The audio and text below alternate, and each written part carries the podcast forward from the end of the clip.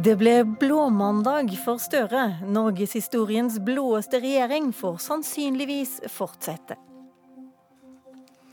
Velkommen til to politiske kvarter. Såpass trenger vi når det er valgmorgen og landet har valgt et helt nytt storting. Vi skal ha to hovedlag i disse kvarterene, og vi starter med vinnerlaget. Jeg får bare si gratulerer aller først. Takk for det. Jeg la merke til det var ikke alle som takka. Eh, men de fire partiene som nå skal sette seg sammen og diskutere om det er grunnlag for fire nye år, er i hvert fall med oss. Og aller først eh, til deg, Ketil Solvik-Olsen. Du er nestleder i Frp, og du smiler bredest. Du står ikke til valg, men du håper kanskje på fire nye år som statsråd? Ja, jeg håper det. Nå har det gått eh, ganske godt. Jeg eh, sto på niendeplass i Rogaland, og det er samme plass som jeg hadde for fire år siden. Og da ga det statsrådsplass, og sånn sett så har vi lykkes. Ja, men du skal ikke inn på Stortinget? Det er viktig. Mm. Hva er dine krav, eller hva blir Fremskrittspartiets eh, krav? Hva er liksom prosjektet de neste fire årene? Vi ønsker at vi fortsetter med borgerlig regjering, som vi sitter i. Og så tenker jeg at vi skal snakke godt sammen, de fire partiene, så vi finner en samarbeidsform og innhold som gjør at vi alle kan jobbe videre for den gode saken vi har hatt de foregående fire årene. Olaug Bollestad, du er nestleder i Kristelig Folkeparti. og Jeg la merke til at du ikke takker når jeg sa gratulerer. Er du ikke glad? Nei, det er klart at KrF vi opplever jo at vi ikke har lykkes med å komme fram med vår politikk, syns vi, i denne valgkampen. Og det gjør jo at vi har jo òg mista noen viktige mandater for oss i Stortinget. Men når det er sagt, så er jeg jo glad for at vi kom over sperregrensa, og at vi faktisk har en viktig rolle i norsk politikk.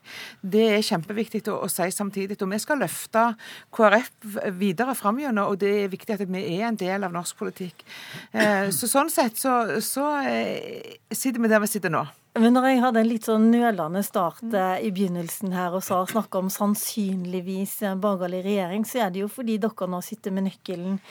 Kan du bekrefte at det blir fire år med blå-blå regjering og dere og Venstre som støtteparti? Vi garanterer ingen fire år til, til ei blå-blå regjering. fire måneder, kanskje? Nei, vi, vi, skal være konstruktive i dette. KrF er opptatt av at vi har sagt før valget, og vi står på det samme etter valget, at vi går ikke inn i en regjering eller har en samarbeidsavtale med en regjering eh, hvor Frp er med. Vi ville bytte den plassen.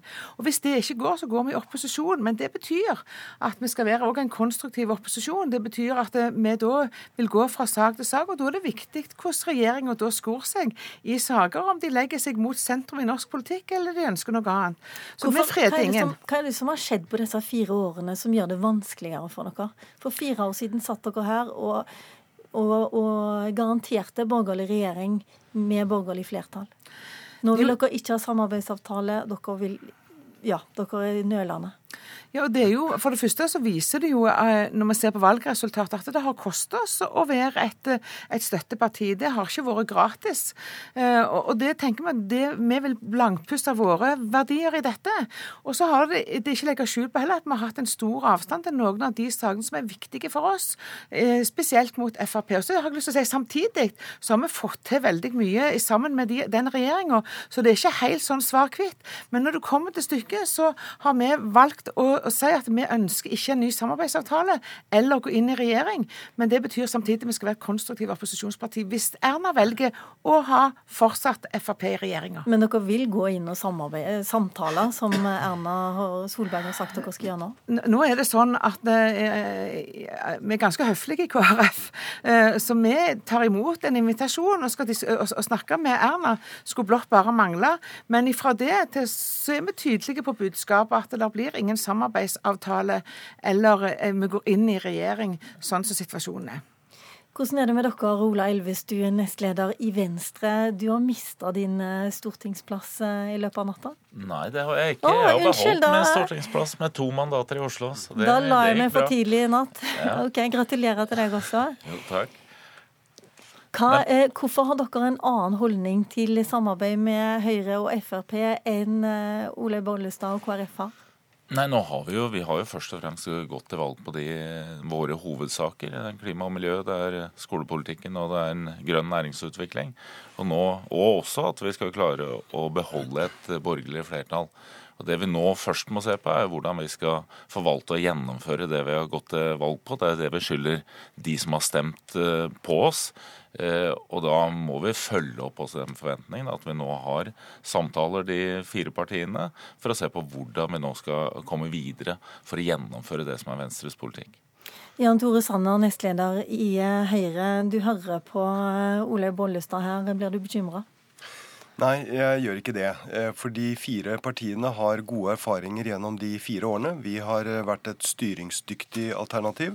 Vi har vist gjennomføringskraft, og de fire borgerlige partiene har i dette valget fremstått som det trygge alternativet.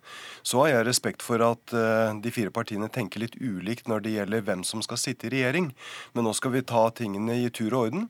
Det første som skjer, er selvfølgelig at de fire partiene snakker sammen. Og da handler jo det om hva som samler oss for de neste fire årene. Eh, og Da skal vi også ha med oss at eh, på mange områder, bl.a. Nasjonal transportplan, når det gjelder kommunereformen og mange andre saker, så har vi allerede blitt enige. Eh, og Det peker fremover, og det betyr at vi har viktige prosjekter som de fire partiene kan stå bak. Og et av de prosjektene, eller flere av de prosjektene handler om reformer som bl.a. du står bak. Regionreform, kommunereform og Knut Arild Hareide starta valgkampen med å be om reformpause. Ja, men det var også et uh, budskap med, med, nyanser. Når det gjelder kommunereformen, så har alle de fire partiene bare for noen ganske få måneder siden undertegnet at uh, kommunereformen skal fortsette. Regionreformen, det var det KrF og Venstre som tok initiativet til, og som uh, Fremskrittspartiet og Høyre følger opp. Så det er viktig å huske på at vi har lagt mange brikker allerede som peker fremover, og det er naturlig nå at vi setter oss ned, de fire partiene, og, og bruker litt tid på å samtale hvordan vi skal finne ut av det i de kommende fire år. Hvor viktig er denne reformpausen for dere, Olaug Bollestad? Eh, det er jo viktig, for det, det, viser jo eh, at eh, folk, spesielt i distriktet, har sagt at vi er nødt for å ha noe, en politikk som også viser at vi skal være et parti for hele landet. Så sånn sett så for KrF så er det en, en viktig, et viktig, en viktig stabbestein. Men vi går inn i dette med en, og si at vi er opptatt av å få mest mulig igjen for det mandatet vi har fått. Vi skal forvalte hver en stemme og hvert et kryss på listene for å, for å få vise KrF sin politikk. Det skulle blott bare mangle. Men som sagt, ifra det til å si at vi gir en blankofullmakt for fire år, det avhenger av hva politikk som regjeringa fører. Hva ser du som det store samarbeidsprosjektet, Solvik-Olsen? Hva er det som skal skinne eh, på alle disse fire partiene som sitter her?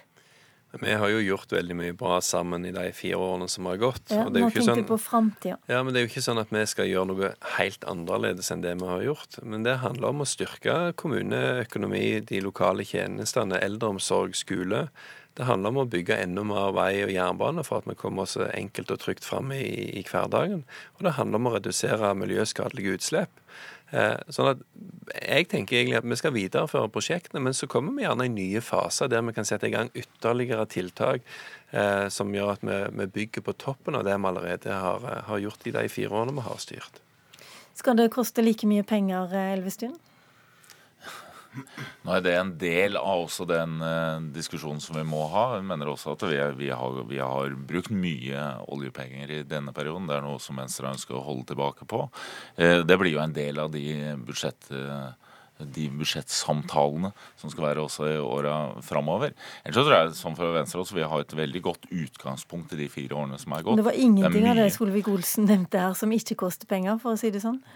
Ja, det er mye. Det er, det er mange ting det er jo Hvordan du driver et samfunn, handler jo også om hvordan du tar tak i de store summene. Hvordan du organiserer oss mer effektivt. Det er mange ting som det går an å gjøre på en måte hvor du også kan, du også kan drive et samfunn mer rasjonelt, og også med, uten de samme utgiftsøkningene. Men kan jeg spørre deg bare, jeg har lyst til å si en ting uh, før du går videre der. Eh, det har jo vært en del murring også i Venstre, eh, med tanke på hvem dere samarbeider med, og om dette var liv laga. Og så er det ganske mange som har vært ute og sagt at når man likevel er med som samarbeidspartner, så kan man like godt gå inn i regjering. Er det noe dere vil diskutere på nytt? Du, nå skal vi nettopp eh, nå skal vi ta inn over oss det valgresultatet som vi har. Eh, så må vi snakke sammen i Venstre, og så er det de fire partiene som må Men, snakke eh, sammen. Men kan du avvise at dere går inn i denne regjeringen? Sammen med Høyre og Frp? vi har sagt at det er lite sannsynlig. Men nå må vi gå i oss selv, og vi må snakke sammen i Venstre. Vi må se på også valgresultatet, som er ganske varierende i forskjellige deler av landet. Og så er det som sier, det er først og fremst de sakene vi skal gjennomføre som er det viktigste. Det er klima, det er skole, det er eh, næringsutviklingen. Og så ligger det jo noen, noen, uenigheter under mellom de fire partiene som vi også må rydde opp i. Vi har en sterk uenighet innenfor uh, forsvar.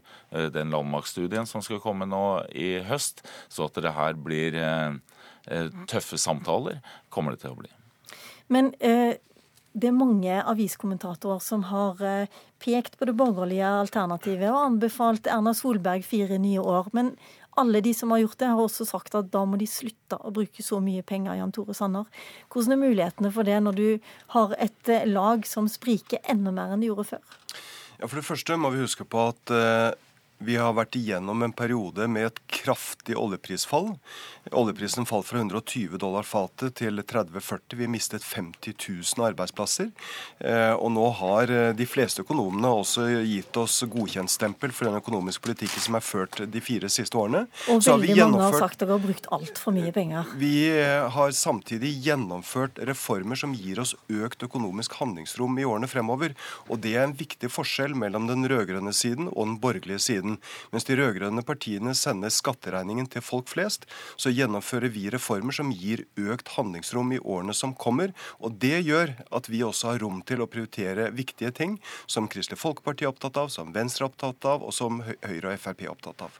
Trond Giske, du er nestleder i Arbeiderpartiet. Velkommen til deg også. Du skal få det neste kvarteret, men du sniker deg inn her på vinnerlaget. ja, du er hjertelig velkommen. Uh, er det noe du har lyst til å si til Olaug Bollestad, som, eh, som sitter her og ikke er så uh, skråsikker på at du skal samarbeide med disse menneskene i fire år til? Altså, jeg tror jo at det viktigste i politikken til sjuende og sist er innholdet i sakene. Altså hva får vi til av mer fellesskap, mer rettferdighet, fordeling mellom mennesker, gode velferdsordninger. Og jeg har jo opplevd i den perioden som har vært, at eh, KrF i mange saker har stått eh, nært oss. Eh, nå har jo Høyre og Frp kunnet fått flertall bare med Venstre eller bare med KrF. Det blir en veldig annerledes situasjon nå når de er avhengig av begge.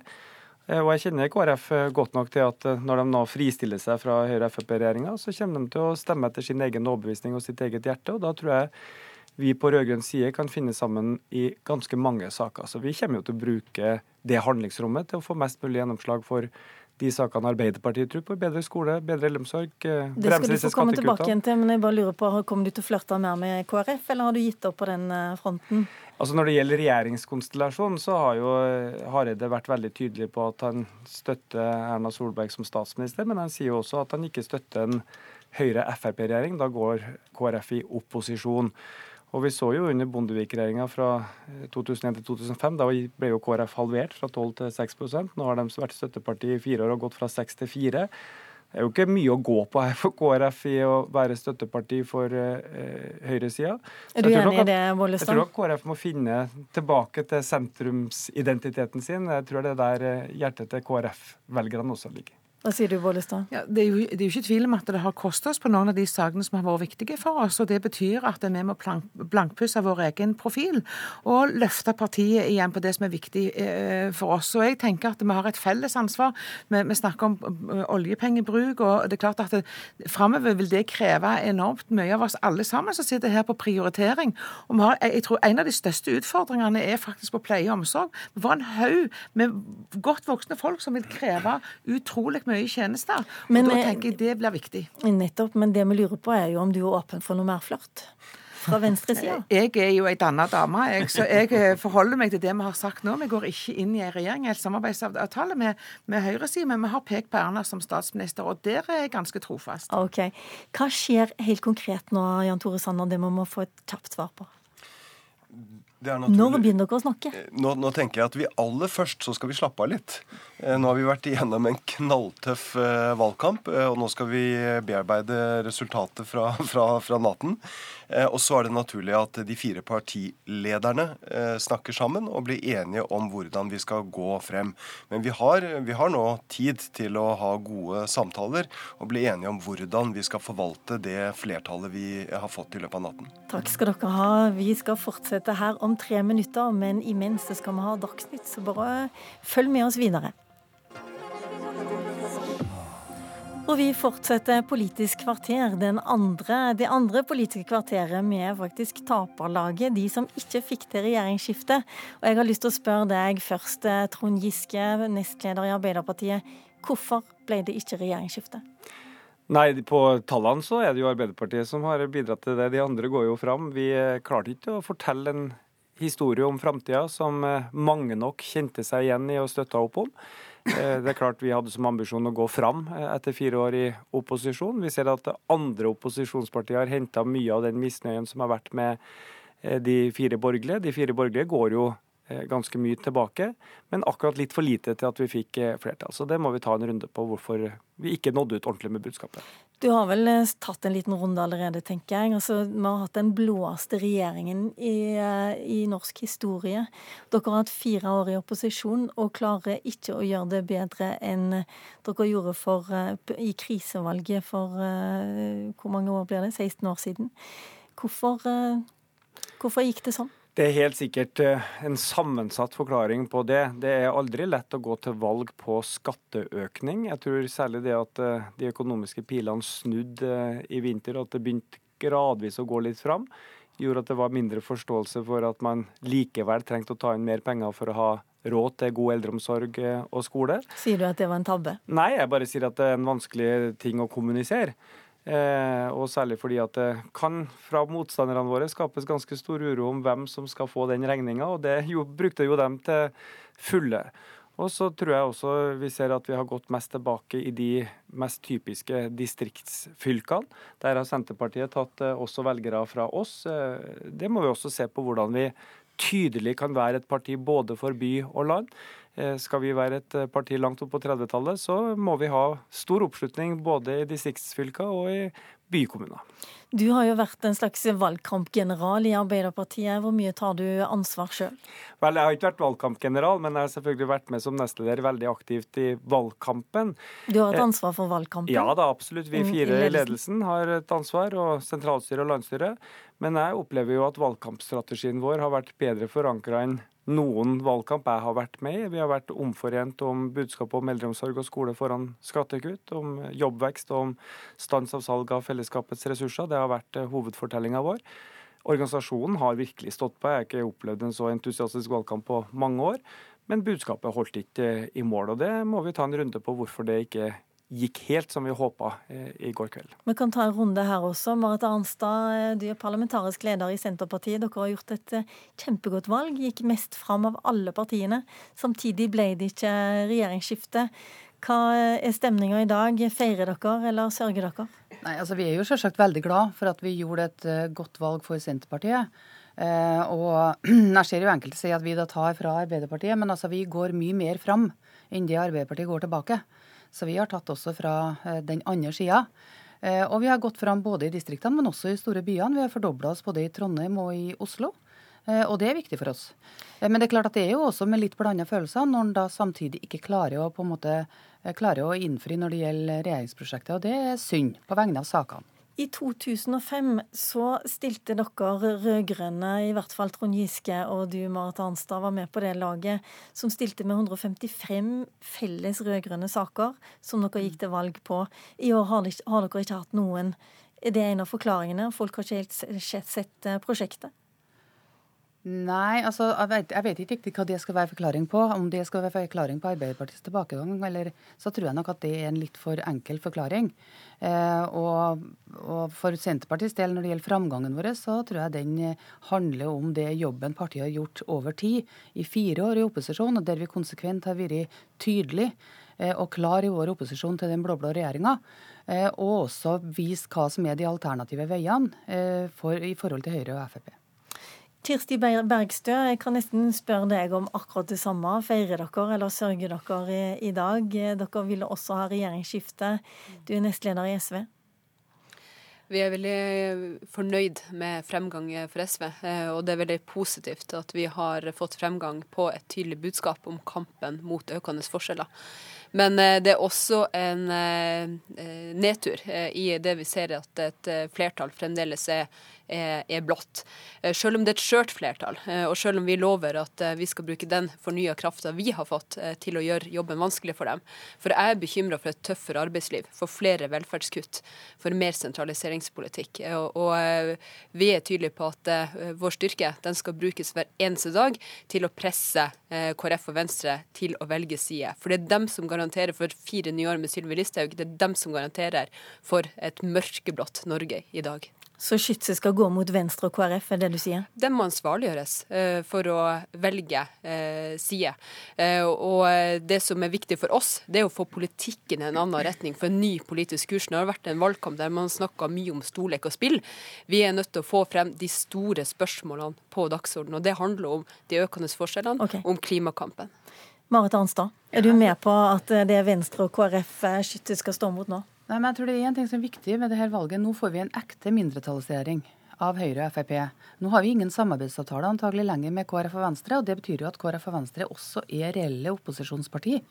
Eh, og det gir jo en mulighet også for oss i resten av opposisjonen til å ha en relasjon til KrF og Venstre som er annerledes enn når de hadde en samarbeidsavtale. Samtidig som det nok blir tøffere. Eh, det blir et tynnslitt flertall for Høyre og Frp, som da vil være en mindretallsregjering ut på kanten. Og manøvreringsmulighetene deres vil nok være redusert. Definitivt. Eh, altså, Nå har de fungert som støttehjul i fire vaklende år. Jeg tror ikke de holder i fire år til. Eh, vi skal gjøre vårt for å få en ny politisk kurs for landet. Trond Giske, du sitter og smiler. Ja, altså...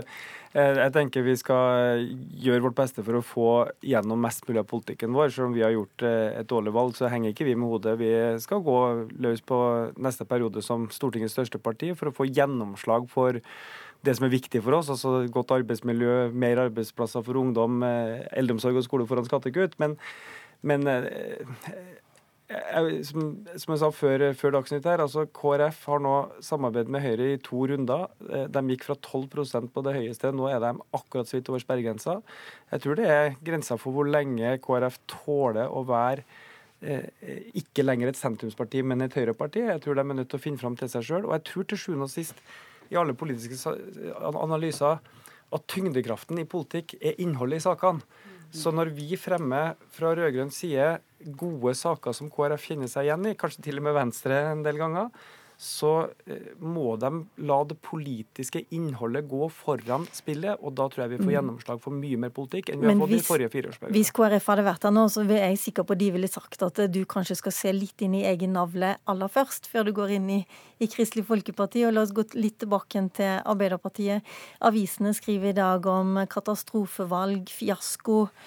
VG skriver at Støre sannsynligvis må gå. Nei, jeg, som jeg sa på Dagsnytt her, og som du hørte meldinga, at eh, det siste Arbeiderpartiet trenger nå, er personstrid.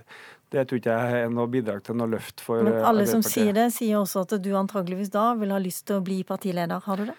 Nei, altså jeg vil at Arbeiderpartiet skal gjøre det bra, og det bidrar vi ikke til med noen persondiskusjon. Eh, tvert imot, det er ikke personsaker som har gjort at vi gjør et overvalg, det er at vi ikke har nådd ut med det politiske budskapet vårt. Det politiske budskapet har vært forankra i hele ledelsen, i hele sentralstyret. Vi har et kollektivt ansvar for det. Så eh, vi må gå løs på det politiske innholdet. Eh, og det kommer vi til å gjøre, og vi kommer til å jobbe for å få gjennomslag. Men jeg tror man vil se at midt oppi et rød-grønt nederlag, så åpner det seg veldig mye mer eh, for rød-grønn politikk. De siste fire årene så har vi jo opplevd veldig ofte at sakene var ferdigforhandla mellom KrF og Venstre og regjeringspartiene før de i hele tatt kom til Stortinget. Nå vil beslutningene bli tatt i Stortinget, og da vil de bli tatt på basis av innholdet. Og der har vi et stort handlingsrom i tida framover. Så det blir gøyere på Stortinget, det er en trøst? En rød-grønn trøst? Ja, og bedre politikk tror vi også faktisk, og vi får mer gjennomslag. Ja, Sakene vil bety noe. De vil bety mer enn de har gjort det ved siste fireårsperioden. Mm. Lars Gaupseth, du er partisekretær i eh, Miljøpartiet De Grønne. Er dere eh, skuffa? Du sitter her på det rød-grønne laget rett og slett fordi, eh, fordi, du var det siste håpet deres. Eh, de håpte jo i likhet med dere at dere skulle over sperregrensa og sikre da kanskje at Støre kunne bli statsminister, men sånn gikk det jo ikke. Og Da lurer jeg litt på hvor skuffa er dere over det resultatet? Nei, altså Først så har jeg jo lyst til å gratulere Senterpartiet og SV med å ha gjort veldig godt valg. Eh, og så er det klart at vi hadde jo håpa på et bedre resultat. Eh, det vi er fornøyd med, er at vi har klart å gå fram. Så har det dessverre ikke holdt til flere enn ett mandat. Eh, og det er jo synd, ikke først og fremst for oss som parti, men det er jo synd fordi vi får ikke det trøkket i klimaarbeidet og klimafronten som vi trenger. Eh, og vi er jo veldig bekymra nå for fire nye tapte år i klimapolitikken med Frp i regjering. Eh, og så skal vi selvfølgelig gjøre det vi kan som en konstruktiv opposisjonsparti. Men det som jeg også har lyst til å si, er at det er jo også en historisk ting at et lite parti har klart å beholde representasjonen på Stortinget. Det har vel ikke skjedd på 30 år. Eh, Fremskrittspartiet var vel det siste partiet. Eh, og det eh, mener vi jo på en måte i seg sjøl er, et framskritt. Marit Arnstad, sånn i farten så tror jeg det er du av dere fire som sitter her nå som har sittet lengst på Stortinget, har lengst politisk erfaring. Kan det stemme? Ah, altså, Jeg er ikke helt sikker på Tronder, altså. La meg spørre deg likevel. Hva betyr det at vi nå skal få ni partier på Stortinget? Og hvorav flere av de er ganske små? Ja, I første omgang så kan det se ut som om det kommer til å skape et mer uoversiktlig storting. Men jeg er nok litt enig med det Trond nå sier, at det skaper også en ny dynamikk og nye muligheter i Stortinget. Eh, og vi har jo sett en situasjon den siste fireårsperioden f.eks. Der, eh, der KrF og Venstre hver sin gang har valgt å beskytte regjeringa. Den muligheten har de ikke lenger. Det er ikke mulig for dem hver for seg å være utgjør et flertall for regjeringa. Eh, og det, sammen med det faktum at du er flere partier, kan jo også skape dynamikk, ikke, ikke, bare mer uforutsigbarhet. Men det kan bli enda vanskeligere når også Rødt får inn én representant, eh, Gaupseth. Så blir det enda vanskeligere for MDG å komme til orde? Og få oppmerksomhet? Altså, Jeg ser ikke sånn på det. Jeg ser at jo mer partier som jobber for miljø, jo bedre er det for saken. Jeg er jo opptatt av, enig med SV, at nå må vi ansvarliggjøre Venstre og KrF. Nå har vi hatt fire år hvor de har garantert for en Frp-regjering, og nå må de ta et tungt ansvar for at vi får skikkelig fortgang i klimaarbeidet. Og vi vil jobbe fra sak til sak med de andre partiene for å få det til. Hjertelig tusen takk til alle sammen, og lykke til på Stortinget med den jobben dere skal gjøre.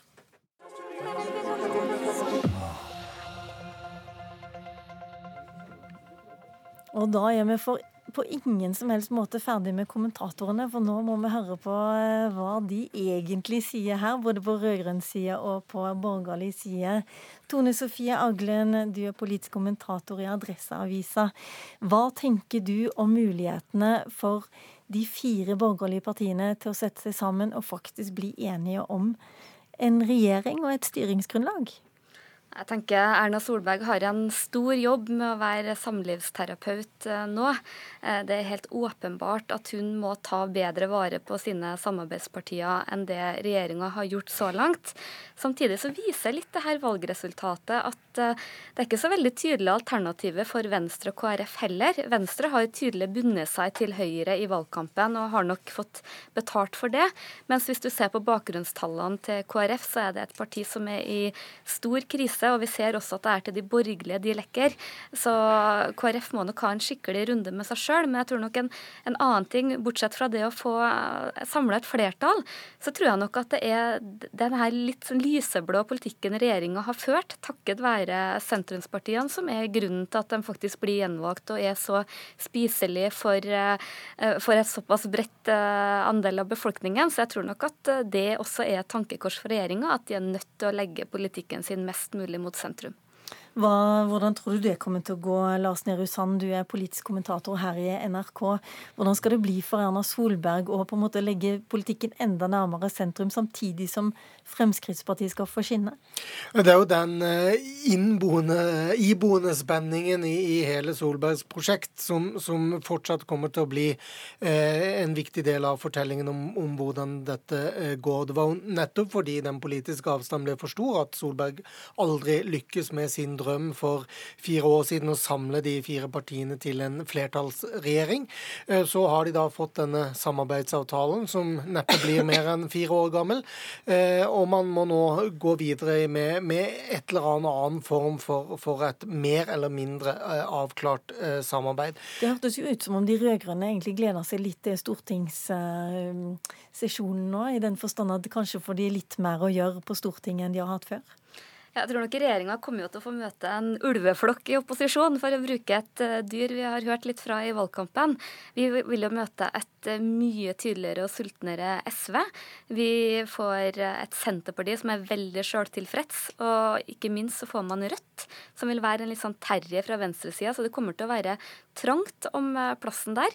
Og i tillegg så har vi jo for første Eller vi får en mindretallsregjering som ikke kan søke støtte til ulike sider, slik mindretallsregjering mindretallsregjeringer eh, tradisjonelt har gjort. Så det kommer nok til å bli veldig krevende for regjeringa de neste fire årene. Jeg må spørre dere om en annen ting også, og det er eh, klarer Arbeiderpartiet å legge død den diskusjonen om Jonas Gahr Støres framtid, slik vi hørte Trond Giske prøvde på nå?